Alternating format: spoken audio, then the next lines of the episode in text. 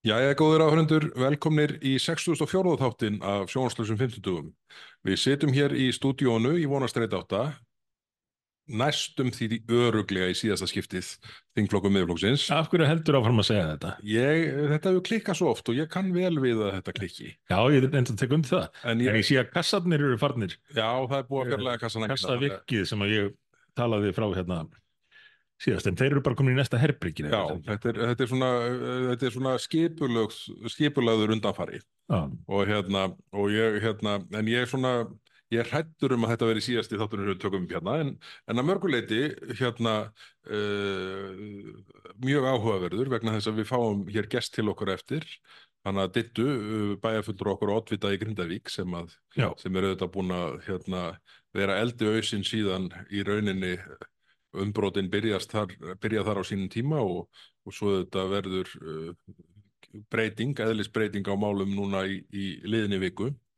Og, og uh, hún kemur hérna til okkur eftir, við ætlum að byrja að fara aðeins yfir svona uh, mál, málvikunar og, og hérna og svona það sem helst brennur á.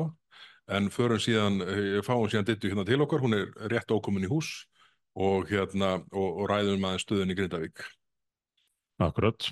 En uh, hérna, uh, og varðandi stuðin í Grindavík þá hérna, þá er kannski rétt að segja og bara fyrir þá sem er að hlusta að endilega að skjóta okkur ábendingum um það sem skynsanlegt væri og æskilegt er því að það er auðvitað þegar uh, jafn alvarlegur, alvarleg staða er uppi og, og þar er núna þá, þá, þá er þá er þörf á því að, að horfa til allra þeirra hugmynda sem geta verið til bóta fyrir, fyrir íbúa Grindavíkur.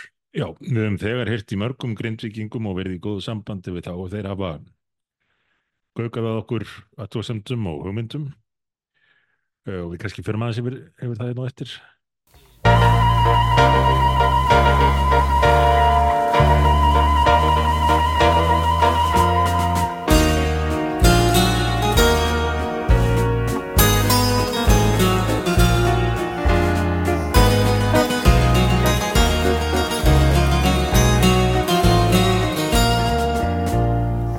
Jæja, segjum Davíð, við fáum dittu hérna til okkur eftir en Mhm. byrjum aðeins á vettvangi dagsins.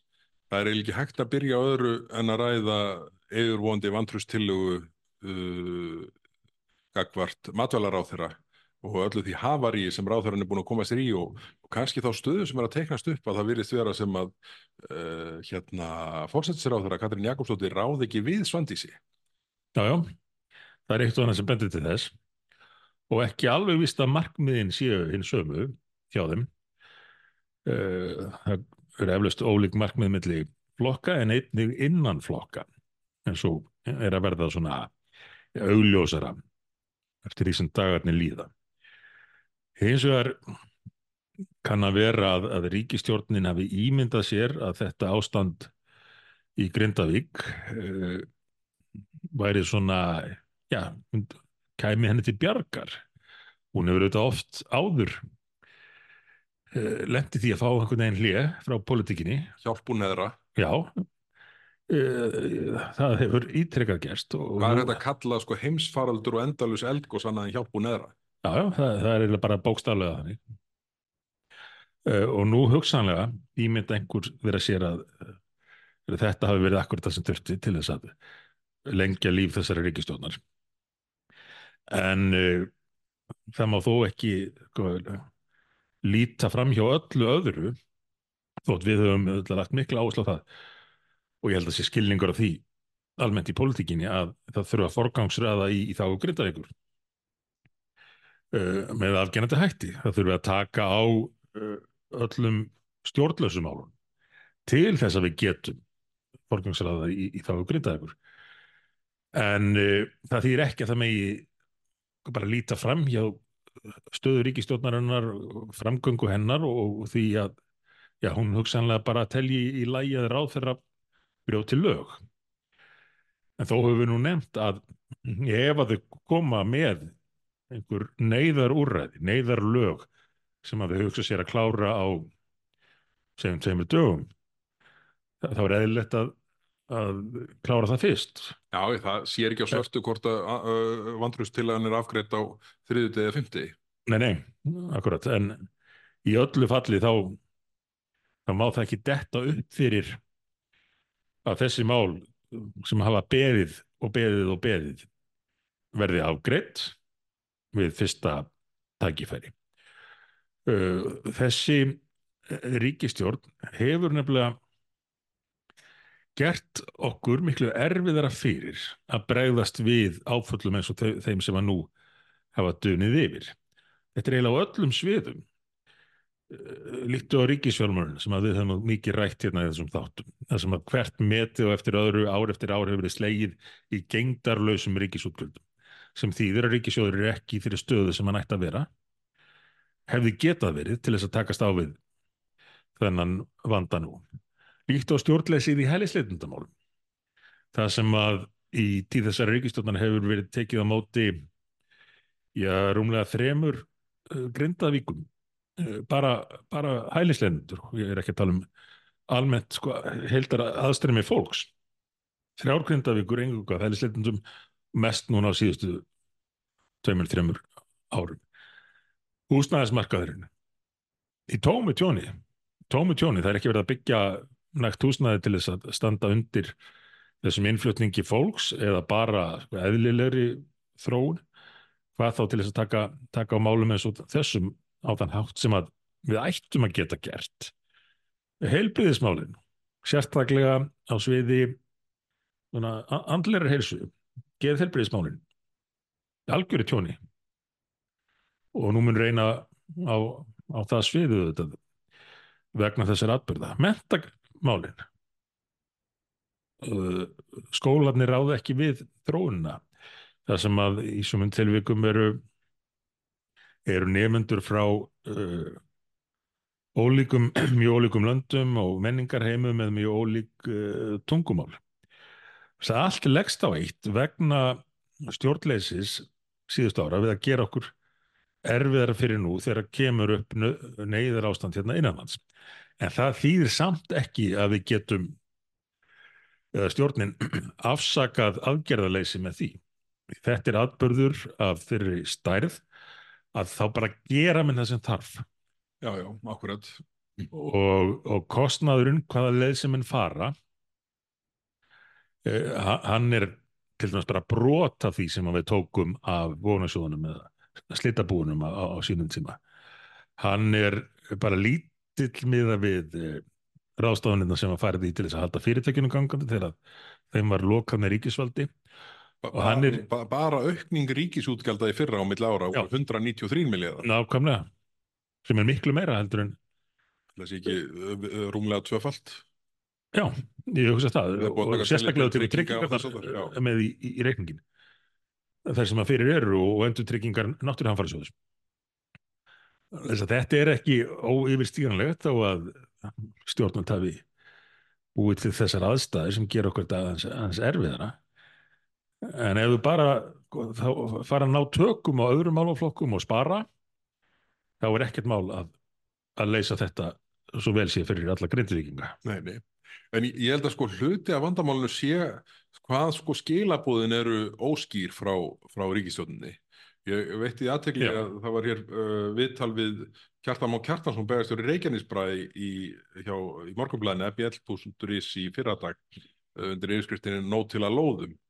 Og, og þar segir Kjartan frá því hérna, eins og segir hérna í fréttin á mbl.is í gær fekk Kjartan Már þær upplýsingar úr innviðaráðundinu að búið vera að taka tillöguna til umræði í ríkistjórn og í framaldi hefði framkvæmdinni innan stjórnsýslunar verið framkvæmda hópi innan stjórnsýslunar verið farið það, falið það verkefni að hrinda tillögunum starfs, starfsópsins í framkvæmd. Þetta er semst umræða um hvort með hvað hætti var þetta bregðast við þeim möguleika að byggja hér upp byggð úr sagt, timbureiningahúsum framleitum uh, í Evrópu. Og, og þarna segir bæjasturinn í Kópavogi að hann hefði fengið þau svör frá innviðar á þeirra að, að, að skýrslan bæðisturinn Kópói bæ, bæjasturinn í Reykjanesbæ uh, hann hefði fengið þau svör frá innviðar á þeirra að það veri búið að taka tillöguna til umræði ríkistjórn og í framaldi þess hefði framkvæmda hópi innan stjórnsýslunar verið falið það verkefni að hrinda tillögum starfsósins, í framkvæmt. mm Þetta er í fyrradag. Í dag kemur fram minnisblad frá innviðar á þeirra það sem segir innviðar á þeirra hefur ákveðið að skipa framkvæmda hóp sem að, hann sagði að vera í búið sko. já, innviðar á þeirra hefur ákveðið að skipa framkvæmda hóp sem hefur það hlutverk að fylgja eftir tillögum starfsópsins og vinna að framgangi og fjármögnun þeirra. En nú stundum eins og þessi ráþeirra viti hvorki hvað þeir ætla að gera eða hvað þeir eru búinir að gera. og ennþá verra væri ef að innviðar á þeirra væri bara þarna bleitantli að segja grindvikingum ósatt Já, já. til að var- kaupa sér tíma.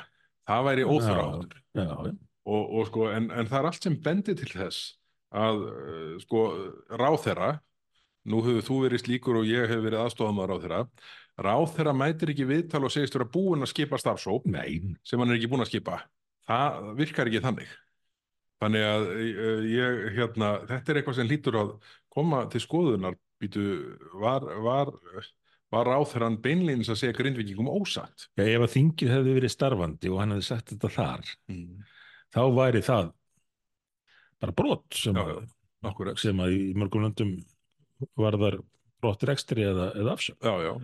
En, en þannig, þannig semst, í, í morgunblæðinu, ég held að sé í fyrradag, Já, þá segir innviðar áður hans í búin að þessu og gefur í skina að þetta hefur bara ger, verið gert í beinu framhald af því að tillögur starfsópsins um með hvaða hætti verið hægt að byggja hratt upp á grundvelli timbureiningahúsa frá Európu, að bara í beinu framhaldi hafi hérna, eins og segir hérna, í framhaldinu hefði framkvæmda hópi innan stjórnsýslunar verið falið það verkefni að hrinda tillögum starfsópsins í framkvæmt. Og síðan í dag segir Samir á þeirri minnisblæði að hann ætla að gera þetta síðar. Það þarf nú að skoða Innviðar á þetta. þeirra hefur hefur ákveða að skipa framkvæmda hóp og það er í framtíðinni. Þetta Já. er uh, mesta furða ef, að- ef enginn pikkar þetta upp. Þetta er alltaf svona um bókina lært hérna hjá þessari ríkistöld. Og ég, ég held ef, að- ef að þau fara að sko útskýra þau bara verða við að halda áfram eins og þau hafa nú stundum nefnd eins og eftir þingvallaferðina frægu þess að þau ætlaðu að leita að erindi sínu komist að því, þeirri niðurst að þau bara eruðu að halda áfram eh, ég held að það myndi alls ekki henda grindvikingum illa að framfæri kostningar núna fljótlega. Er þess að engin flokkur gæti náð árangri í þeim kostningum öðruvís en að bjóða upp á lausnir fyrir Grindavík. Það geti bara verið það besta að, að Grindvíkingum og landsmönnum gefist tækifæri til að, að bera saman leiðir, hva- hva- hvað sé vanlegast til þess að hverju séu raunverulega til að standa með Grindvíkingum.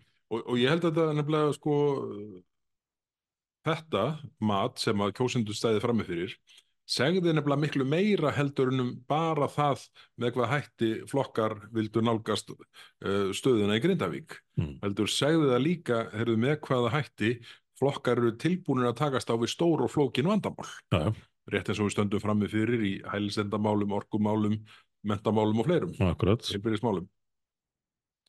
Og allt, allir þessi stóru málaflokkar sem þú nefndir, þetta nátengdir getur okkar til að leysa úr málum grindvíkinga. Já, já, akkurat, akkurat.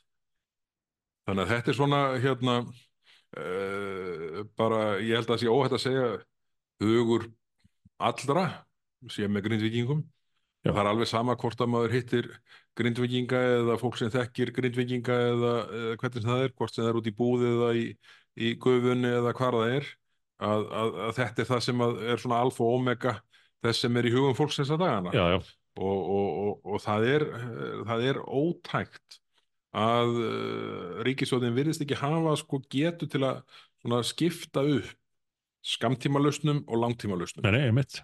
Og, og það, það sem ég held að skipti svo miklu máli fyrir grindvinginga núna er að fá úst, afstöðu, prinsip ákvörðun gagvart langtíma ákvörðunni sem er auðvitað stóra ákvörðunni Já, og það er alveg svigurum til að útfæra dítela í þeim efnum þú veist, án, uh, í framhaldinu. Já, já, prinsip ákvörðun þarf að koma. Akkurat. Og þó að það sé mikil samstaða hérna í, í þinginu og í pólitíkin almennt um stuðning við grindvíkinga, þá má það ekki þýða að menn uh, hætti allir umræðu eða hætti gaggrinni. það er það versta sem getur gerst líka fyrir grindvikinga Akkurat, því að í svona ástandi þá þarftu umræðu og þú þarft gaggrinni. Það má ekki henda eins og var alltaf mikið kannski hérna á COVID-tímanum að, að nú ættu bara allar gaggrinnisrættir að þagna og uh, og stjórnvöld að fá að gera það sem að þau vildu í því tilvikið þetta þá útvistuðu stjórnlandsins til, til uh, þríekisins og kallaða en, en hérna við að finna bestu löstinnar fyrir grindvikinga þá þarf umræðu, þá þarf gaggrinni Já, já, akkurat. Herruðu, færum okkur aðeins hérna yfir í, hérna, við skulum ekki fara dýbra í vantrustið á Svandisins ástóttur. Það, það er að nægt til það kemur allt í ljós það kemur allt í ljós og er að nægt til til að ræða þeir næstu viku. En uh, orkumálun hafa verið mikið í umræðinni síðustu dagana og uh, svona mikið með vísan í hérna þetta frumvarpum skömmtunarstjóra Ramax sem kom hérna fram í desember. Uh, sko, maður veltir hreinlega fyrir sér hvort að séu einhverja líkur á að þessi ríkistjótt sem nú er uh, við völd hreinlega geti tekið ákvörðun sem er til bóta í þessum efnum. Þú fylgir greinalega reglunni aldrei spyrja spurningar sem þú veist ekki svarið við Nei, það er mjög, hérna, uh, Richard Ramtón, vinnu minn sem ég hérna gætaði Grímsá í hátt í 20 ár og, og verður uh, jarðaður í London í næstu viku, hann sagði mér þetta Mm. mitt, uh, hérna, mikilsvirtur uh, breskur lagfræðingur að aldrei spurja spurningar sem þú veist ekki svarið við. En, en þá var hann, hann auðvitað að vísa uh, talum í, í réttarsal. já, Mhm. einmitt og ég held að ég held að þessari spurningu sé sjálf svara að þessi ríkistótt mun ekki leysa þau mál. Ekki frekar en hælislindamálin eða önnur. Og þau mun meiri tími sem að líður áður en að hér verður starfhæfi ríkistjórn með stefnu, pólitíska sín þeim mun meira verða tjónið í mildinni og sjáðu bara sjáðu bara til dæmis núna eh, stöðuna í hælislindamálum það kom greinargerð frá dómsmálaráðundinu sem var svona ætluð til að sína uh, hver staðan væri orðin.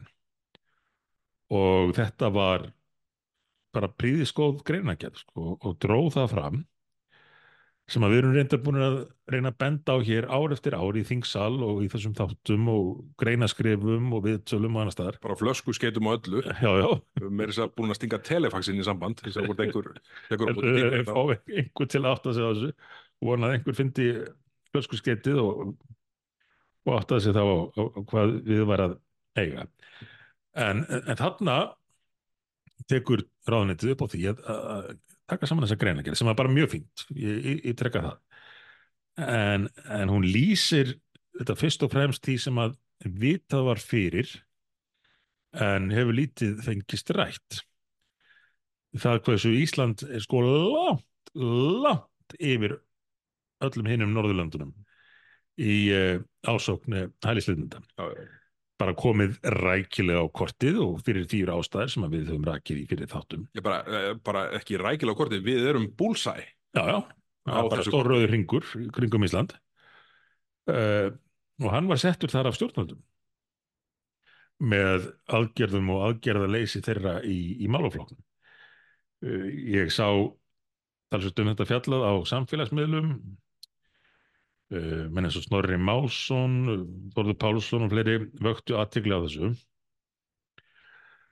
Og, og þarna koma meðalans fram tölur um ásóknuna án Úkrænum eins og við höfum áður bent á þá er, er fjöldin sem að hingað er að koma hann hefur farið yfir yfir það að vera 20 faldur fjöldin sem verður Danmarkur hlutvarslega og, og margfaldur í öllum tilvikum en, en ef þó minn líti bara á sko, hælis leitendur eða, eða þá sem að fá sem að menn kalla vernd eða hétt áður að fá hæli þá er Ísland líka samt langt, langt yfir yfir hinnum Norðurlöndum. Ég ætla bara að lesa hérna á þessari töflu umsóknir per 100.000 íbúa. Ísland 500 eh, eh, 580 stendur hér. Eh, 581 stóð fyrir að skoða þetta síðast á heimasíðu útlendingastofnar en það er nú, nú ekki stórmunur. 500, höldum okkur bara við töflunar frá ráðnutinu. Ísland 580 Danmörk 43 Noregur 73, 75 Svíþjóð 159 Finnland 84. Þetta þýðir að Ísland er hvað, fjögur, fimmfalt á við uh, Svíþjóð. Svíþjóð, sko.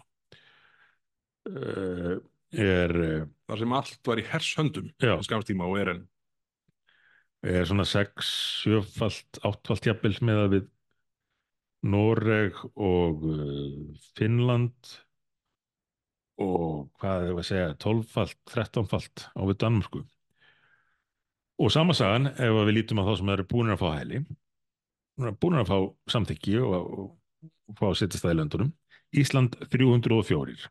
Þetta er semst árið 2022. og þetta eru tölur án, Án Úkrænu án Úkrænu og er 100.000 manns. já, Þannig að það eru miklu fleiri hérna og í hinnum löndunum ef, ef þú eh, bara tekur heilt að töluna en hérna er þetta bara til að ná samanbörðinu millir landana, þetta er á 100 á 100.000 Já. mann sem eru fyrir. Og þá mann þetta geta þess líka að, að hlutfall erlendra ríkisborgara á Íslandi er þegar orðið mjög hátt að búið að ná Svíþjóð. Nú þegar, svoleiðis að, að þetta er ekki tölur per 100.000 ríkisborgara. Hvers lands, þetta er tölur, íbúa, bara íbúa fjöldilands þeir sem hafa fengið hæli. Ísland per 100.000 304 Danmörk 24 Noregur 24 Svíþjóð 35 Finnland 32 með öðrum orðum Ísland er að nálgast það að vera tífalt á við Svíþjóð. Svíþjóð og uh, svona kannski 15-falt til það með við hinlöndin ef að bara litið til þeirra sem að hafa fengið hæli og býtu þannig eru Úkræna fyrir utan já, að því að sko hlutfallið milli Íslands og Danmörkur er uh, einna móti 20 ef ég mann rétt. Já það var það að- þegar við vorum að skoða þetta hann að daginn. Ef að þær tölur inni. Þannig að sko ekki bara eru við að taka sko tífalt uh, gagvart uh, svona þessum hefðbundu hælisleitundum með svona að segja. Einmitt. heldur virðustu við vera að standa okkur langt best ef svo maður segja takin langt flesta uh, frá Ukrænu og, hérna, og sem eru þetta daldið annars eðlis og hópur sko, se, hópur sem um, svona virðist í öllum megin aðröðum vilja fara aftur til síns heima þegar, þegar stríðsátökum verður lokið þar vonandi. Já, já, það er eðlis ólíkt á margan hátt og kannski fellur betur af uh, markmiðunum með flottamanna sáttmála saminuð þjóðana um tíma. Það sem að stríði í stærri nær, nærumhverjun og fólk geti uh, leita skjóls á meðan að stríði er í gangi þannig til að geta snúið heim. En, en jafnvel þó við sleppum úkrænumannum þá er, er munurinn þetta gríðalegur og þetta eru bara alveg ótrúlega tölur. Alveg ótrúlega tölur og það má auðvitað benda á það líka að, að ef að eh, skoða þeir ákveðnir uh, þjóðflokkar þá vinnur Ísland þessa samkeppni uh, yfir eitt alltaf. Til dæmis varandi palestinumenn og áður en að átökin byrjuðu núna í óttúber en bara undanförnum árum þá hafa Íslendingar tekið á móti miklu fleiri palestinumönnum á hverju ári eða þessum árum heldur en hinn Norðurlöndin. Og þá er ég ekki að tala hlutvarslega bara meiri fjöldi þaðan til Íslands heldur en til hinna landana semst meiri fjöldi til Íslands já, heldur en til þessara miklu fjölmunar já, já. Og, og þau lönd sko hafa hafa verið treg til að uh, taka við palestinumönnum á undanförnum árum af ímsum ástæðum, öryggisástæðum og, og fleiri og, og vegna þess að að það er svona í þessum löndum ákveðið að hafa einhverja forgangsröðun. En Ísland toppar þetta ár eftir ár og uh, nú til dæmis í þeirri stöðu sem að það voru upp komin með þetta stríð þá hafa Norðurlöndin ekki gert sig líkleg til að taka við fólki vegna fjölskyldu saminninga á þessum svæðum. Og það kemur aðeins við sögu í, í þessari greinagerð úr ráðunetinu svona ákveðin raukstunningur fyrir því að það sé ekki endilega hægt að bara opna allt upp á gátt í, í nafni fjölskyldusamninga uh, og menn svona segjast er að fylgjast með hinum Norðurlöndunum og, og metta hvernig þau tekla þetta. Uh, það eru, sko, það eru starfsmenn í Dómsmálaráðundinu sem að skrifa þetta en svo erum við með fórsettis er á þeirra hér og félagsmálaráðura sem að vilja bara opna, opna allt upp á gátt ána þýr virðist nokkur að varður á stafna ég meðist í Þískalandi sem kom til tals að að einhver hópur tekinn þar inn þá, þá varaði öryggislauruglan sérstaklega við því að það er gert uh, uh, þá að minnstakosti þyrti mjög aukið eftirlit til að komast að því að þarna er einhverju hættulegir að, að smikla sér með. Hann sagt frá því í vikunni að það veri mjög takmarkaðar heimildir uh, íslensku laurugluna til þess að framkvæma slíka öryggisútækt. Já, ég meina við, við vorum ísismann á Akureyri. Já, já. Hver hefði trúað þessu fyrir nokkru missurum? Uh, 75% af gæsluverðarsfjöðungum uh, útlendingar. Þannig að við erum ekki, ekki bara að fá besta fólkið frá, frá hverjum stað. Uh, við þurfum svo ég segi það nú enn og aftur við þurfum að ná stjórn á þessum málflokki til þess að við getum hjálpað fólkinu sem á það skilið og er í mestir í neyð hjálpað því sem best. Það gerum við ekki með svona stjórnleysi. Þa, það fólk er í rauninni sko, stærstu fornalömb þess stjórnleysi sem við höfum hort upp á. Já. Þannig að það, það var ágætt að sjá þessa skýslu frá ráðanetinu en, en munum minn ger einhvað í þessu. Því að það sem við höfum séð þetta er að sjálfstæðisflokkurinn hefur leikt hennar málflokk meira menna í, í áratug og, og, og leitti nú þetta þessi ríkalið útlendingalög sem eru upphafið þessu öllu og, og fjölskyldu saminningunum og öllu þessu óraun hafa sem að þarf að setja inn af, af stjórnarnarstöðu þess tíma. Málið sem ég hef búin að segja Uh, innan ríkisráð þegar á þeim tíma að það fari aldrei gegnum ríkistjórn ef það er við eins og, og jótaðist var kert inn kert í gegnum þingi bara um, um leiðuðu skrepp frá. Uh, en uh, og svo þetta er nefnt fleiri dæmum eins og uppákomuna undarlegu á landsfundi sjálfstæðisflokksins það sem að hafið þó tekist að ná fram einhverjum breytingum á útlendingastarfinni þá bara tekið Európusambandi á þetta og látið kjósa aftur til að samþykja upprunulegu tviluguna af því að hitt hundi líta svo ítla út fyrir svona nútímalega flokk. Uh, spurningin er þessi mun sjálfstæðisflokkur sko, þeir glemdu að slakka útsendingi þannig að þetta var aðgengilegt öllum almenningi umræðan þetta á netinu óvart. Og þessi blessaði menn sem hafði náð fram smávelum breytingum þeir eru bara skammaðir. Já, já Hvað eru þið að gera hér með þessu? Það lítur svo ítlut fyrir flokkin. Mér þetta svo fyndi, ég er nú ekki með það hérna, við hendina, sko, en þeir voru skammaði meðal annars með orðalagi sem fjármálar á þeirra, já, vettalega utanengis á þeirra, setti síðan inn sem sko raukstunning fyrir innleiðingu hérna, fjármálaregluverksins uh, það sem 20 mann nefndin í Brussel á að fara ákveða hvað eru góða fjárfestingar á Íslandi. Þannig að þetta er sko, þetta var alveg stórskemmtilegt að þetta veri til og til á upptöku. Þannig að svona nú þetta og ekki vona á, á miklum aðgerðum í samræmiðu tilöfni það er frekar en annar staðar. Hvað fleira gerðist í... Heyrðu, við verðum eiginlega aðeins að nefna þetta stór undarlega mál, galna í raun. Það sem er sagt frá því í viðskiptablaðin í vikunni að, að ríki sé núna að kaupa sannanir fyrir grætni orku.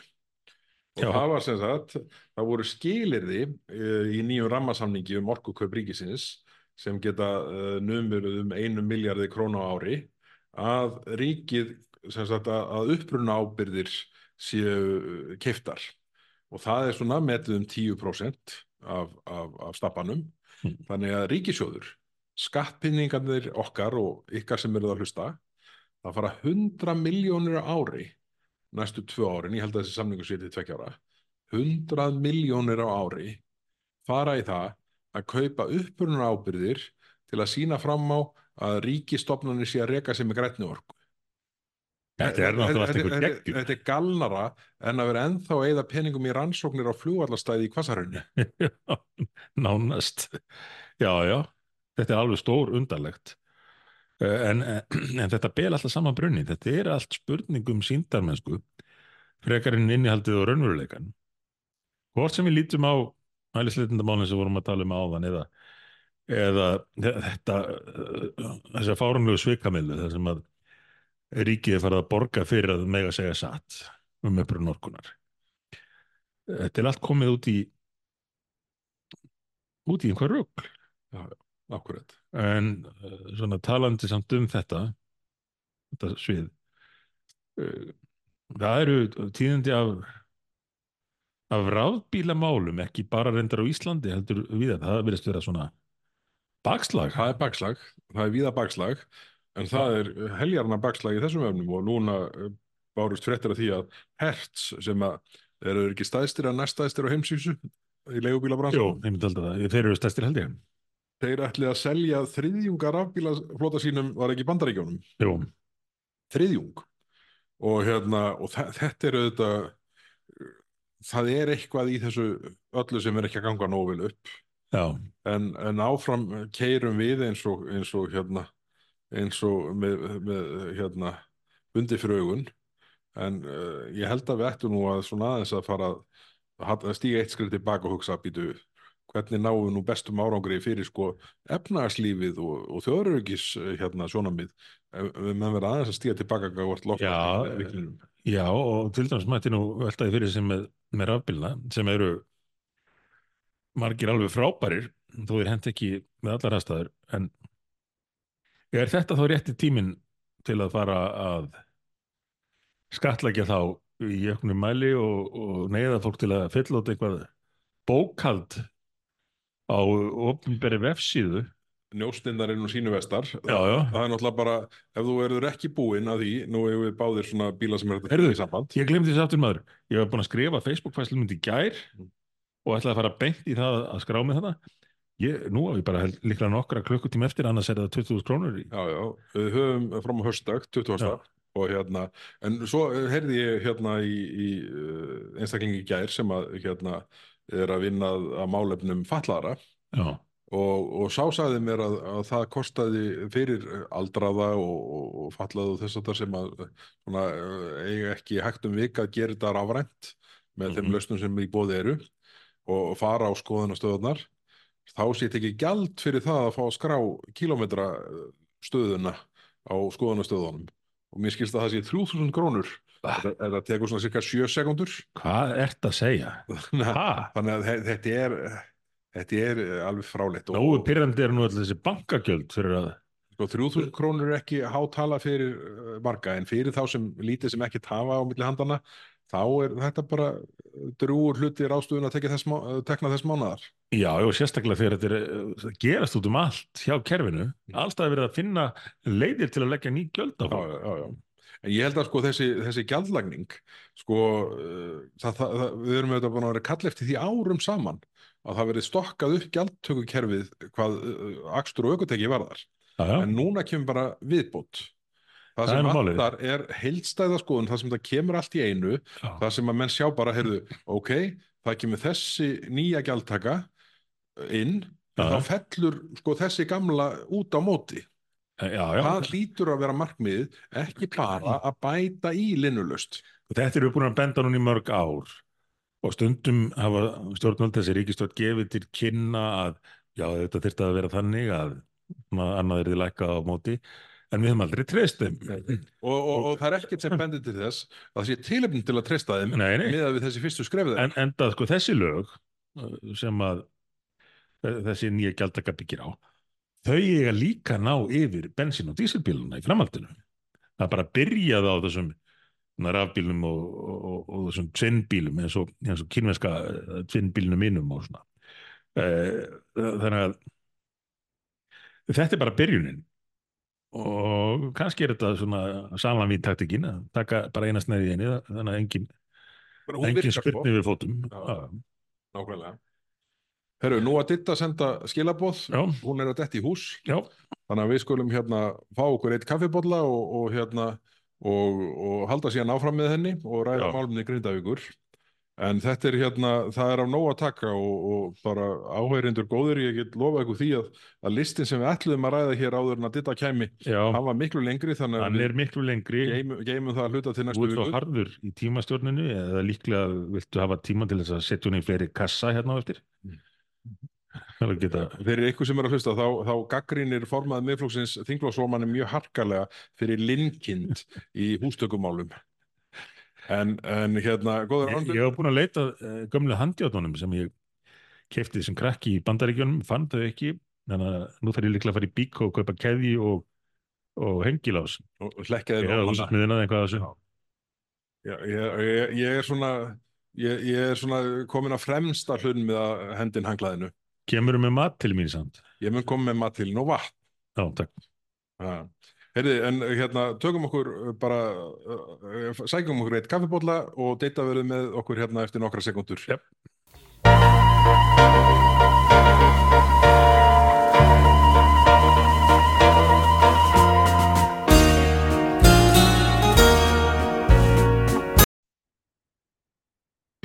Þetta, velkomin til okkar og takk kærlega fyrir að koma. Ég veit að það er nóg um að vera, nóg að gera hjá þér og mjög erfiði tímar, en okkur langaði að, að fá aðeins að ræða við þig um stöðuna í, í Grindavík sem að við og landsminn allir held ég erum þetta mikið með hugan við.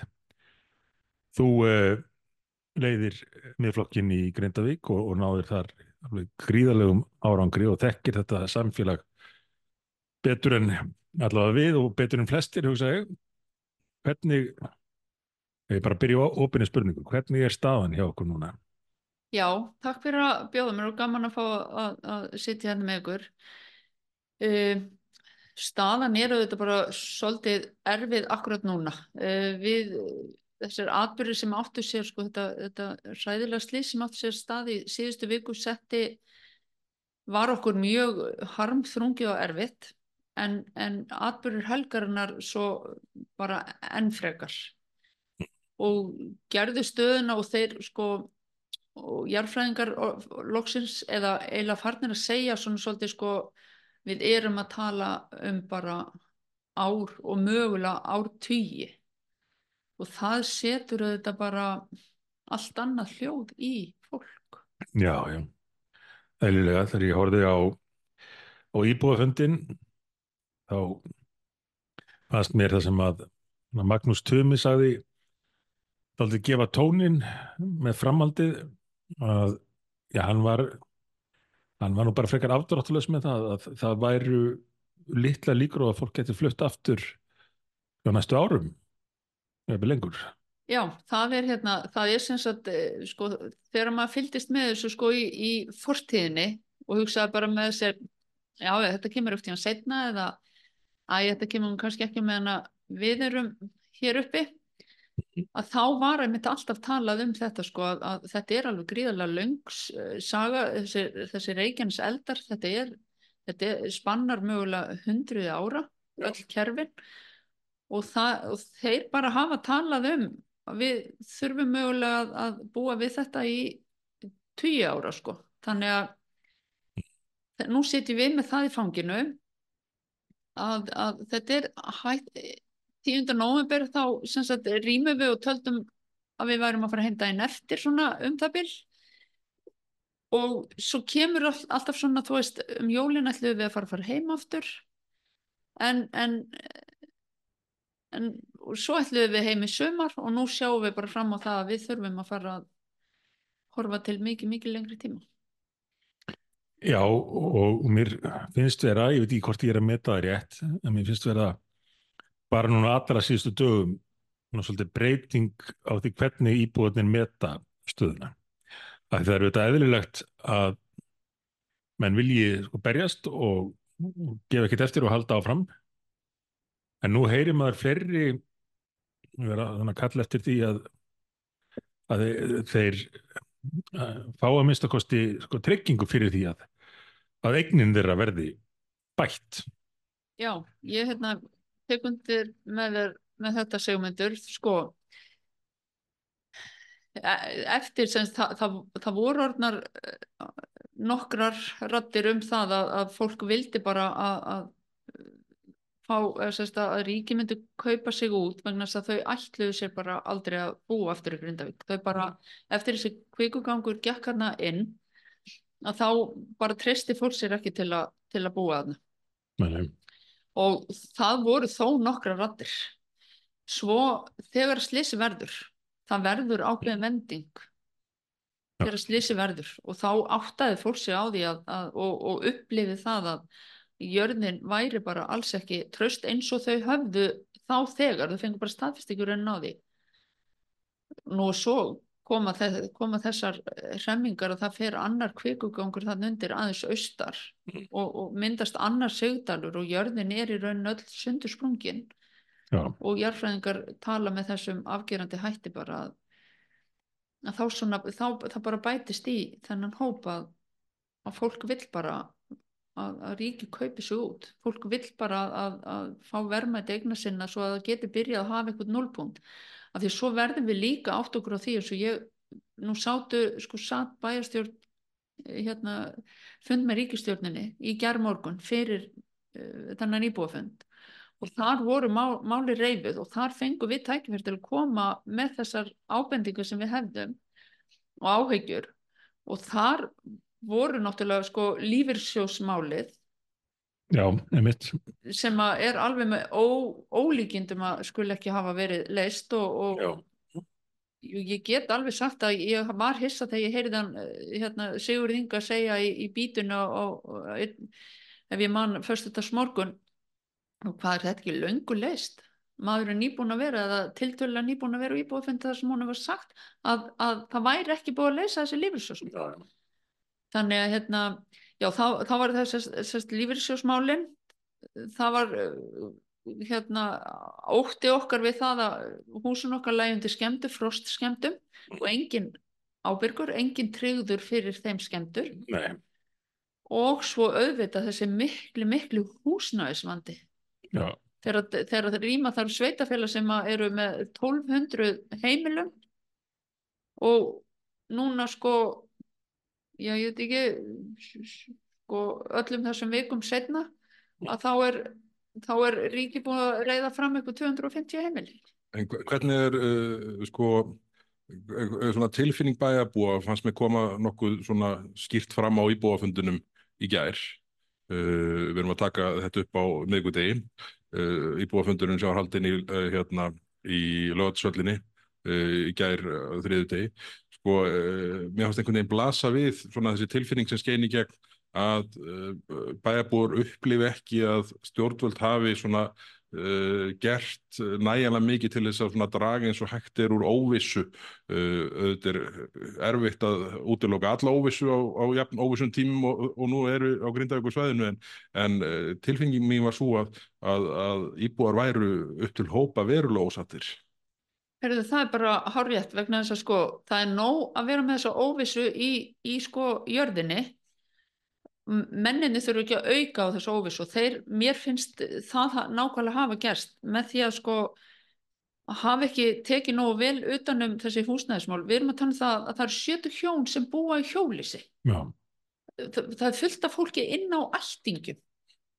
Þú veist, og þegar við rættum þessi mál þannig gerðmorgun og ég, og ég, ég saði bara, veist, ég saði bara Sigur Inga, það eru 1200 og, og Anna Katrínu, það eru 1200 heimili, þeir eru búin að redda 250 hérna, heimilum fyrir þetta fólk, eftir standa 950, hvar eru þau? Ég held að flestir haldi að þessi búið að leysa miklu meira, þetta sé ekki bara þessi 250 en, en það er vegna þess að það er svo margt fólk bara í einhverju algjöri neyðar bráðabyrða ráðstöfun. Það, það eru fæstir komnir í húsnæði sem þeir geta dvalist í mestu vikur eða mánuði, er það ekki? Jú, það er þannig, það eru ekki margir, sko, það, þeir, þeir reddu þessum 250 heimilum, uh, fólk hefur auðvitað uh, bjargað sér sjálft, einhverjir bara hreinlega, það, það eru reyndar sára fár, það er en einhverjir sem hafa hreinlega keft sér, hafa haft getu til þess. En Og- hefur líka ekki verið sérstætt vandamál í tengslum við það Jú, að heldur fá samþykta uh, aðra fjármögnun Já, við fá, grindvikingar fá ekki lán. Grindvikingar get ekki veðsetta eignirna sínar grindæk sem eru skuldusar. Já. Þannig að við erum heldur betur í, í erfileikum þar. þannig að sko, en, en það eru bara eitthvað örfáir sem hafa í rauninni uh, retta sig með þetta en fólk er búið að vera bara í sumabústöðum, félags hérna íbúðum frá verkefælsfélagunum og þetta er nú, nú fer þetta alltaf sko losna upp, veðrið er náttúrulega það er orðið kallt, það er orðið hálka, snjór böttur og komast í skóla. Þetta var, þetta var þetta rettaðist á meðan við vorum bara í einhverjum nokkur, nokkra vikur þarna eins og þetta leit út til að byrja með. Já, en, en sko það er langt síðan að við vorum komin á þann stað að vita að við þyrtum húsnæði fram á sömarið því að það er sko bæjarstjórn samþýtti það á síðasta bæjarstjórnum fundi í byrjun janúar að það yrði ekki skóli fyrir, fyrir næsta haust í Grindavík Mm. og það, þannig að þetta, þetta var löngu vita Já, Eh, þú saðir áðan að hérna uh, svona teknaður upp þessa mynd varðandi fyrst þegar slísið hræðilega verður og síðan þegar, þegar uh, gósið byrjar þarna aftur og innan varnavegsins. Heldur að það hafi haft mikil svona viðbótar áhrif að uh, sprungan skulle opnast innan við varnaveginn svona upp á óöryggið að gera? Því nú verðist varnaveggurinn hafa leitt uh, svona það sem opnast þarna ofan við þarna til, til, til hliðar ef svo má segja og framhjá Já. en, en þessi opnun innan við veggin hún hlýtur að hafa haft svona dramatísk áhrif alveg sé- sérstaklega virkilega, svo var náttúrulega bara alveg ótrúlega sorglegt að sjá þarna hús vina sinna verða bara að engu, brenna bara upp og já, maður bara þetta er alveg ótrúlega að verða vitna af þessu.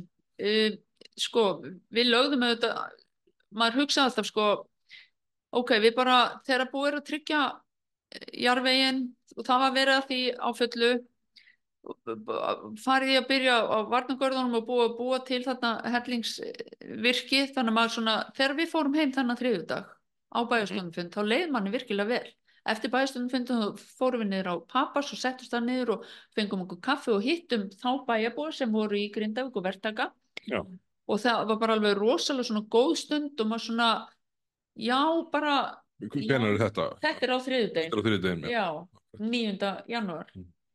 og við erum svona bara já það verður bara gott, það verður bara gott að geta komast heim og mér bara fara að hlakka til að komast heim. Þetta verður fyrsta skipti sem maður fekk svona leifði sér að fá þá tilfinningu af því að maður hefur svolítið bara verið ég get ekki farið heim í byli og bara svolítið áframgak nú verðum við bara að reyna að redda húsnæði fyrir fólk og, og þetta allt sko. En, en þessi tilfinning hún var ótrúlega ljúf því að maður sá þarna allt myndast fyrir augum sér bara að ve- verja byggðina. Mm. Svo náttúrulega verður þetta hræðilega slís á miðvíkudeginum og og svo opnast sprunga innan varnagarða og þá svona þá vitum við það bara. Og annar kvikugangur á öðrum stað. Og þá bara hugsa maður með sér þá hugsa maður bara með sér ok, þú veist hvernig eigum við að geta varist og hverju er við að reyna að verjast? Já. þannig að en við erum samt, við megum samt ekki hérna við verðum einhvern veginn samt að uh, reyna að leita einhverja leiða og lausna í þessum efnum. Núna er bara svo stutt liðið. Nú er maður, það er kannski hægt að segja sko, nú er maður bara að taka þetta högg eh, inn þessa dagana. Svo er hann Gunnar Már er auðvitað bara farin á fullt í að reyna einhvern veginn að leysa þessi mál og, og, og reyna að finna leiðir. Og sko manni fólkið er að kalla eftir því að það verði greitt út Mhm. og ef við að það sé svona allur meiri hlutin í rauninni sem að, sem að er þannig stemdur í dag burt sér frá því hvort viðkomandi vilji flytja tilbaka síðar eða ekki. sko, já, allavega er maður búin að hitta allt það fólk og heyra í öllu því fólki undarfarnda. Ég bara, það er bara ótrúlegur fjöldi búin að heyra í manni og bara, þú veist, þið bara verði að, það verður bara að borga okkur út og, og ég ætla að flytja til aftur til Grindavíkur sko þegar að verður hérna tilbúið og þegar að verður örugt en, en þanga til þá vil ég bara geta staðið örungum fótum og já, já. Fyrst þegar voruð mikil breyting með þetta síðustu daga því að eins og þú nefndir áðan, það var ákveðin hópur fyrir nokkuð síðan sem að bara gæti ekki hugsa sér að flytja aftur og hefur fjölgað í þessum hópi og myndir þó segja að að þeir sem tilir að þeim hópi uh, leggir samt áherslu á að varðveita samfélagið á á einhvern nátt að, að grindvíkingar tvistist ekki um, um allt land Herru, ég held að sé sko, ég er næstuði vissum að það er að gera könnun, að þá erum við 90, og- ég ætla bara að segja 99% af okkur vill bara vera saman. Af því að Já. fyrsta sem að kom, við erum með svona Facebook síður, þar sem að við svona reyndum að hópast inn á og íbúar í Reykjanesbæ og íbúar þarna íbúar þarna og það bara fó, fór, fór, fólk fór strax í að segja bara, veist, ok, hvar viljum við búa? Hvar, hvar ætlum við að búa? Mm. Og svo þegar maður fór svona inn að byrja hvað við við, bara við, hva, hvað er allir við grindvíkingar að búa?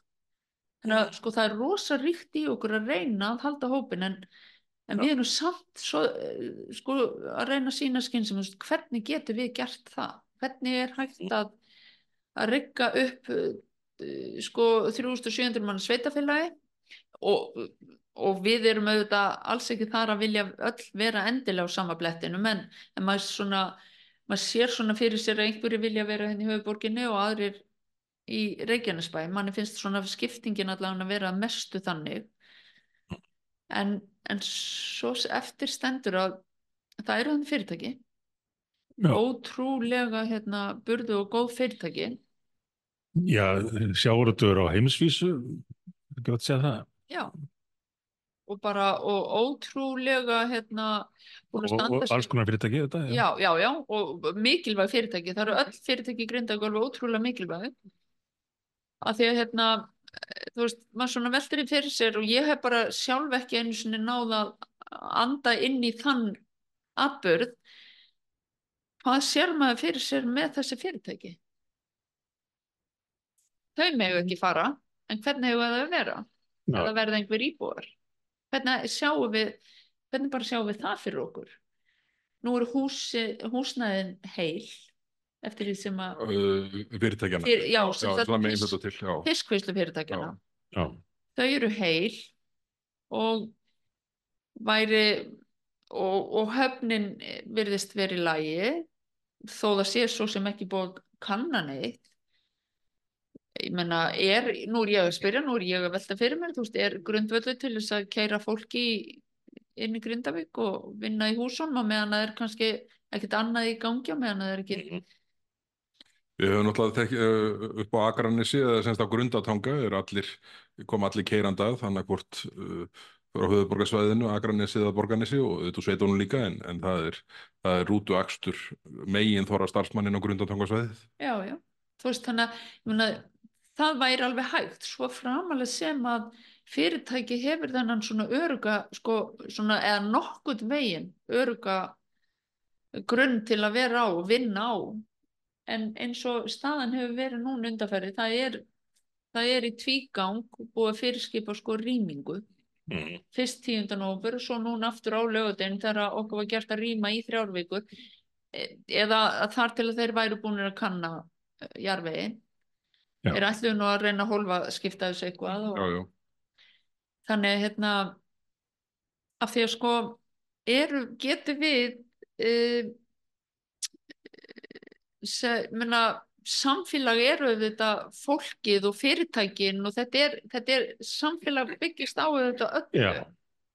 Þetta, þetta sé mjög mikilvæg áminning þetta geta allir verið sammála um að, um að heimilin heimili fólk skipti mestu máli en, en fyrirtækin eru líka undirstaða heimilina og, og það þarf í, í, í þessu málöldu það þarf að passa upp á að gleyma ekki atvinnulífinu og, og rekstrunum sem hefur staðið undir þessu byggðalagi og, og reyndar gott betur en það, hefur bara verið gríðalega mikilvægt byggðalag uh, í verðmættsköpun fyrir landið allt.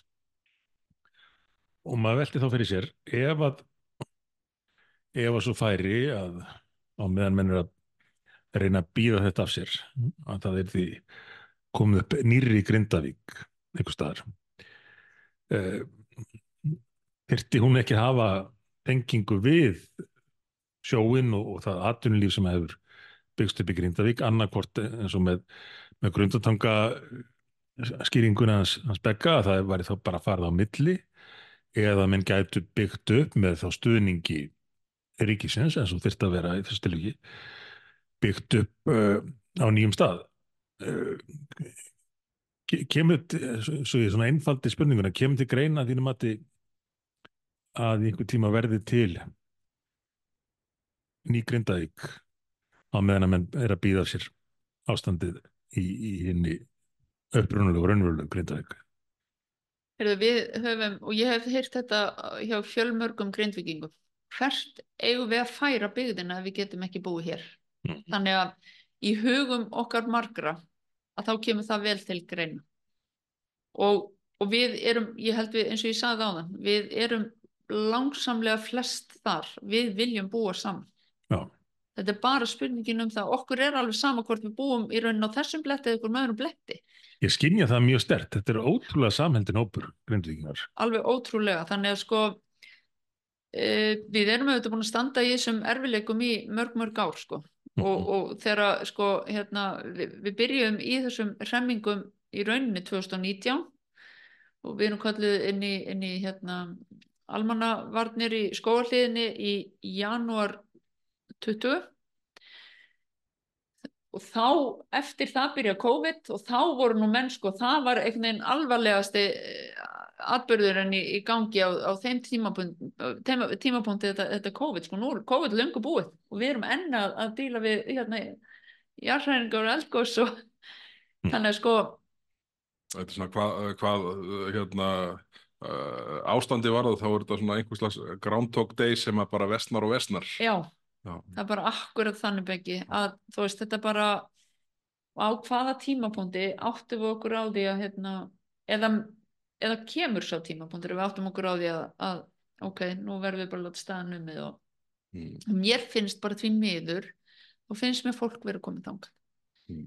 Já, það er tilbúið bara að leggja árar bát og, og vill Er, bara er eitthvað sko, til skamstíma sem sko, breytir þeirri afstuða því að nú ímyndað með sé nú að það sé varla neitt að fara að breytast í jarðfræðinni svona uh, innan nokkura vikna svona hvað sín vísindamannana varðar.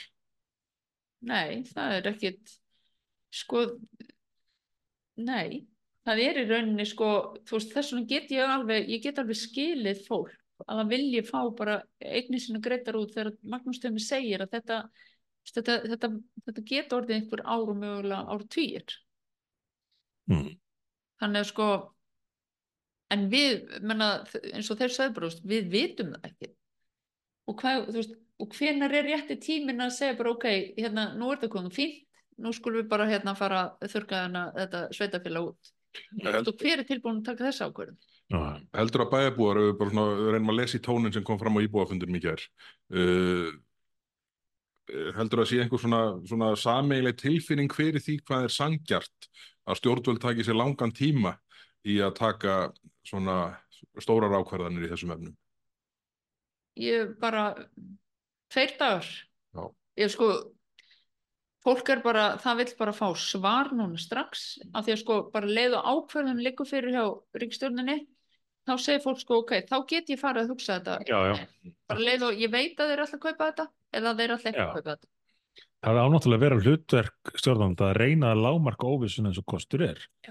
Og fólki finnst almennt held ég miklu betra að fá svarið sem að það var ekkit endilega að vonast eftir heldur en fá ekkert svar. Þá geta menn sko unnið út frá því. Þarf, það er hlutverk stjórnanda að reyna að búa til einhverja svona lámarksvissu og ég myndi nú halda fyrir grindvíkinga þá ætti það að félast sérstaklega til að byrja með í skilabúðum að um að þeir eru ekki fara að tapa öllum eignunum ykkar. Það, það verður tryggt að þið tapið ekki með því sem þeir eru búin að vera að byggja upp. Og svo í, í framhaldinu auðvitað að, að velta fyrir sér framtíð byggðarinnar og samfélagsins hvort það þurfa að búa til nýja Grindavík eða, eða hvort aftur verði hægt að snúa tilbaka en að fólk verði ekki marga mánuð og jafnvel mörg ár í óvissum það hvort að það sé bara búið að, að tapa aðlegunni og, og, og deljist á meðan í einhverju bráðbröðusnaði. Þetta er svona daldið eins og kyr, uh, heilt samfélag hafi orðið fyrir kyrsetningu ef við horfum til hérna svona viðskiptagjörninga þar sem menn geta hvorki hreift síðan eða tekið ákvarðanir. Nei, og, og staðan okkar er sannlega svo vegna þess að, að það voru einhverju grindvikingur sem ætluðu sér bara áttu skuldlösa regnir eins og ég sagði náðan og ætluðu sér bara að kaupa en þeir gátaði ekki vegna þess að bankanir, okkar ríkisbanki hann sagði bara nei, við, við veðsettum ekki eignir í, í Grindavík þetta er náttúrulega sko, við, við fengum ekki einu sinni eða þeir sem að vildu, þeir fengu ekki einu sinni tæk fyrir að reyna að bjarga sér sjálfur og ég, ég, er, ég er þeirrar skoðunar og, og talaði um það á ríkstjónumfundinum í gær ég er þeirrar skoðunar að að sko ef að fólk hefði haft heimili fastan, fastan punkt af því að það sem að ríkið er þó að bjóða upp á það eru þessar hérna, leiguýbjör hjá Bríet sem þú fær bara bara leigusamning þú þarft ekki að yfirgefa heimilið. Mm. mm. bara til lang, langs, tí- langs tíma. Ég, sko, fó- fólk myndi þá að minnstafsti hafa þá vissu. Að geta þá allavega verið í einhverju hýbílum það eru fjölskyldi sem hafa bara flutt sko bara nýju sinnum. Ég heyrði einnig fjölskyldu hún er búin að flytja nýju sinnum Já, á þessum tíma. Það er ótrúlegt. þetta er er bara galið svona þetta undir lokin, hérna hvað svona, einhver skilabóð svona sem hérna, ég finnst uh, skipta máli að skilja eftir og, og fólk hefði gott að heyra. Hvað, svona, hvað, hvað, hvað er það sem uh, svona, annars vegar stjórnvöld og, og bæ- bæði ríkistjórnameilhutin og hins vegar við í stjórnaranstöðinni á hvað ættum við að leggja mest áherslu næstu dagana? Er það að klára stóru ákvörðunina eða er það að uh, fjölga skamtíma aðgerðunum til að, til að lina, lina áhrifin þanga til, þanga til grípið veru til drastískra aðgerða. Heyrðu, ég held að það mikilvægasta núna er að skjóta skjólshúsi yfir grindvikinga. Við verðum að fá uh, húsnæði fyrir grindvikinga bara strax. Vegna þess að ég held að þó að svo ákveðnum verði tekin á, á, á setni stigum Já. um það að kaupa upp eignir í Grindavík með hvað hætti sem það verður, þá verður það ferli bara eitt og sér bara tölvert langt held ég. Það verður ekki gert með einhverjum svona smetla fingri. Þannig að sko og fólk er á, er ekki með fasta eh, búsetu bara þúsund, þúsundir manna já, já, þannig að það, þannig að það er allra, allra mikilvægast akkurat. Þetta er nefnilega nokkur stig og við ættum að vera komin lengra með fyrsta stigið sem er að tryggja fólki húsnæði til, til skamstíma. Uh, Nó hefur nú verið lagt í með alls konar ráðum að, að finna húsnæði fyrir, fyrir hælisleitundur og einhvern kunna þykja óviðandi að blanda því saman, ég, ég gera það bara samt. Það er búið að taka á móti hérna menni þremur grind, grindavíkum á undanförnum árum. Og einhvern veginn fundust leiði til þess. Uh, Húsnæðismálin eru reyndar í, í mjög verulegum vanda hér. En eða var hægt að takast á þetta 1973 í Vestmannum þá hljótu við núna miklu uh, ríkara land og miklu meiri tækni og allt mögulegt að geta bara gert það sem þarf til að tryggja grindvíkingum uh, öryggi Öryggi og festu. og festu, já. af því að það er það sem við sækjumst eftir það er það sem að við erum í raunin ákallið okkar er að hafa bara þessa vissu, þessa, þessa festu Akkurat. og við höfum hann ekki í dag alveg sem hvað við kvöldum eftir Er við munum þykja áfram þér og, og, og ykkur í, í Grindavík uh, og reyna að gera okkur besta en bara takk kærlega fyrir að koma til okkar og, og deila þessu með okkur. Já, ég er bara takk hérlega fyrir ég langar að koma framfæri miklum þökkum til allra ykkar og, og, og allra hinna sem hafa virkilega stött við baki á okkur grindvikingum. Það hefur stundum verið sagt við okkur sko, þegar við erum að hitta fólk sko, ég get ekki sett mig í sp- spor ykkar og við vitum ekki hvernig þið komist í gegnum þetta en það er svo miklu auðveldara þegar við fáum uh, aðstóð og, og, og hlýhug og, og, og faðumlög og, og bóðum alls konar frá landsmann. Það er ótrúlega gott að vera í svoleiðis samfélagi. Takk fyrir mig. Takk fyrir komin að þetta og hérna, við reynum að gera okkar besta og, og gangi ykkur sem allra allra best. Já, takk.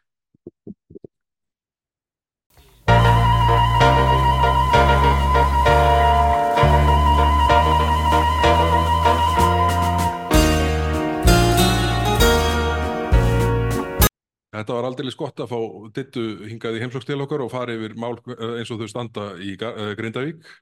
Eh, Þetta Já. verður, þetta, það var eftir að taka stórar ákvarðanir í þessum efnum og, og við reynum að gera okkar besta til að styðja við þá sem þar búa og, og, og, og, og íta á eftir þeim, þeim leiðum og lausnum sem skynsanlegastar eru.